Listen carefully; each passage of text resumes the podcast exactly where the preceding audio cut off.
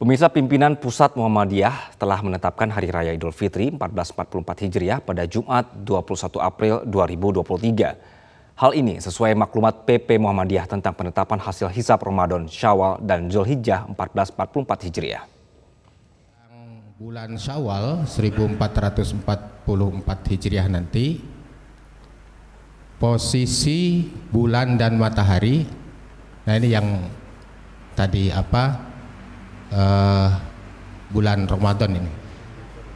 Jadi itu ya matahari kemudian bulan. Nah titik baratnya tidak nampak karena terhalang oleh matahari. Nah posisi seperti ini itu sudah menunjukkan masuk awal bulan atau tanggal 1 dalam hal ini tanggal 1 Syawal 1444 Hijriah yang itu bertepatan dengan tanggal 21 April nanti tahun 2023. Ratusan pekerja migran Indonesia yang berada di Singapura menggelar buka puasa bersama di KBRI Singapura. Acara buka puasa dihadiri langsung Dubes Singapura untuk Indonesia dan juga Wakil Presiden Maruf Amin. Acara buka puasa bersama diinisiasi International Business Associations atau IBA ini juga diikuti oleh ribuan pekerja migran Indonesia yang ada di 12 negara. Acara ini dihadiri langsung Duta Besar Indonesia untuk Singapura, Suryo Pratomo, serta Wakil Presiden Ma'ruf Amin dan sejumlah pejabat negara melalui sambungan virtual.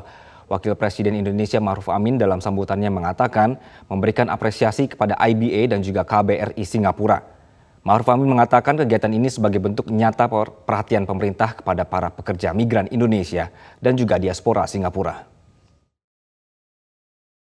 Kantor perwakilan Indonesia di luar negeri jemu saya ingatkan untuk terus memberikan pelayanan dan perlindungan terbaik kepada warga negara Indonesia.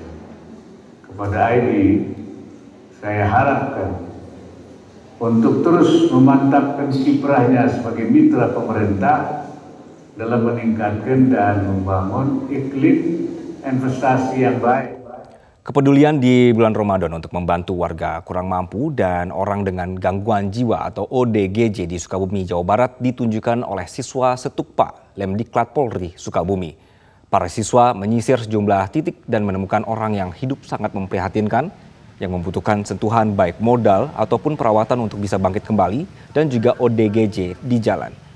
Bersama Kepala Stukpa Lemdiklat Polri, Brigjen Pol Mardias Kusin Dwi Hananto, para siswa Stukpa memberikan bantuan modal usaha sebesar 5 juta kepada Eman, salah satu orang yang ditemui. Ia juga diberikan perawatan kesehatan dan dipantau oleh salah seorang siswa bernama Purnomo yang sudah menangani di wilayah asalnya di Lamongan. Tahun ini di SCP 52 ini kita mencoba untuk juga mencari ODGJ yang ada di Kota Sukabumi. Nah, yang rencananya nanti akan dicoba untuk di treatment atau dirawat oleh Pak Purnomo dan insya Allah mungkin akan berlanjut ya Purnomo ya. Dan tentunya kegiatan seperti ini yang diharapkan adalah bagaimana ini menjadi role model. Ya, ini juga bisa ditiru oleh para rekan-rekannya, ya, para juniornya yang saat ini sedang melaksanakan uh, kedinasan di wilayah atau mungkin di angkatannya. Menjelang Hari Raya Idul Fitri, Presiden Joko Widodo kembali membagikan ribuan paket sembako dan uang THR untuk warga di Kota Bogor, Jawa Barat. Sehari sebelumnya, Presiden Joko Widodo juga membagikan sembako untuk tukang becak dan pengemudi ojek online. Ribuan warga dari sejumlah wilayah di Kota Bogor, Jawa Barat rela antri menunggu kehadiran Joko Widodo yang akan membagikan paket sembako dan juga uang THR di Jalan Otista. Setibanya di lokasi, Presiden Jokowi memberikan langsung uang THR untuk warga. Setelah mendapatkan uang THR dari Presiden, warga kemudian mendapatkan paket sembako. Dalam sepekan terakhir, Presiden Joko Widodo beberapa kali terlihat memberikan sembako dan juga THR di beberapa kota di Indonesia.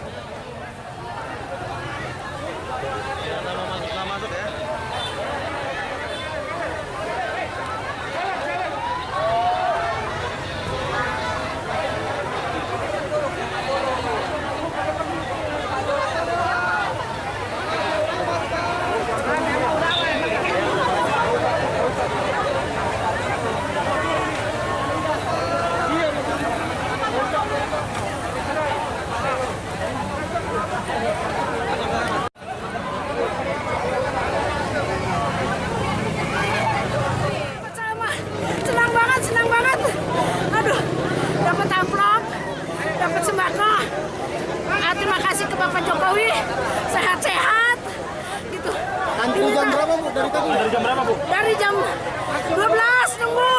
Begitu dengar langsung nunggu. Ini hujan nggak masalah, yang penting ketemu Bapak.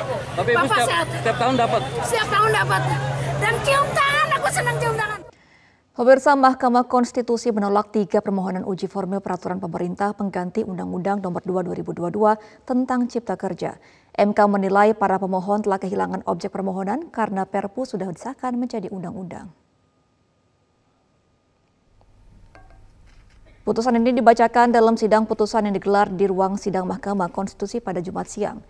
Sidang pin- dipimpin Ketua Mahkamah Konstitusi Anwar Usman bersama dengan delapan hakim lainnya. Sebelumnya terdapat empat permohonan uji formil Perpu Cipta Kerja, namun satu permohonan dicabut sehingga tersisa tiga permohonan. Tiga permohonan diajukan oleh sejumlah serikat buruh atau pekerja dan perseorangan. Aturan Cipta Kerja dinilai melahirkan norma baru yang merugikan pemohon sebagai buruh. Dalam putusannya, Hakim MK memutus untuk menolak permohonan uji formil. Para pemohon dinilai telah kehilangan objek permohonannya. Hal ini dikarenakan Perpu telah disahkan menjadi undang-undang pada 21 Maret 2023 yang lalu di DPR dan telah disahkan Presiden menjadi Undang-Undang Nomor 6 Tahun 2023. Informasi olahraga, kinerja pelatih anyar Bayern Munchen Thomas Tuchel mulai diragukan usai beberapa hasil minor yang diraih di The Bavarian. Membalikkan keadaan atas Manchester City di leg kedua Liga Champions menjadi ujian sebenarnya bagi pelatih berpaspor Jerman tersebut. Keputusan Bayern Munchen menunjuk Thomas Tuchel sebagai pelatih anyarnya mulai mengundang keraguan. Pasalnya rapor Tuchel sejauh ini belum benar-benar memuaskan. Di laga debut Tuchel memang mampu mengantarkan Munchen menang meyakinkan 4-2 atas rival mereka Borussia Dortmund. Namun di laga keduanya pada babak perempat final di FB Pokal, Tuchel gagal mengantarkan Munchen meraih kemenangan. Skuad asuhannya kalah 1-2 dari Freiburg sekaligus tersingkir dari DFB Pokal. Teranyar, Munchen dibuat tidak berkutik saat bertemu Manchester City di Etihad Stadium. Mereka takluk 0-3 di leg pertama perempat final Liga Champions 2022-2023. Meski masih ada leg kedua di Allianz Stadium pekan depan, membalikan kekalahan 0-3 jelas tidak mudah. Terlebih harus melawan tim skuad City. Tuchel tentu harus mencari cara untuk menyelamatkan Munchen agar tidak gagal di Liga Champions. Untuk ukuran pelatih baru yang datang dengan ekspektasi tinggi, situasi saat ini jelas tidak menguntungkan Tuchel. Sementara itu sosok lain yang juga tengah menjadi sorotan adalah Sadio Mane. Manajemen Munchen menjatuhkan hukuman kepada pemain 31 tahun itu sebagai buntut pemukulan terhadap rekan satu tim Leroy Sen.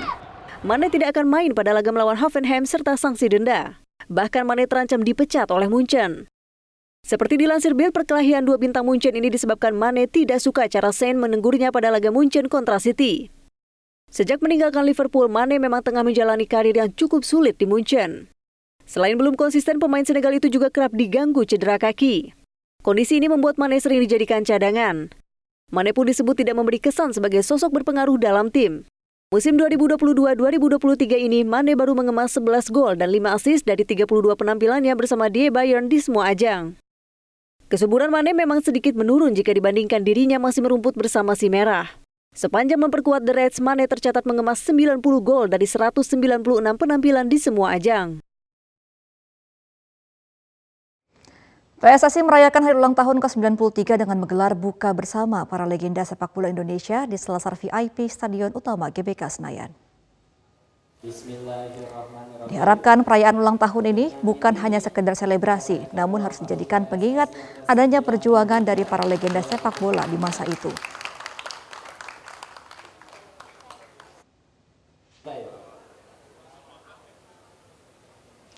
Acara ini juga sekaligus ajang untuk mempererat silaturahmi seperti doa bersama dari para legenda untuk kesuksesan sepak bola Indonesia dan timnas U22 yang akan tampil di SEA Games Kamboja 2023. Berbagai senior lintas pemain dan wasit Indonesia tampak hadir.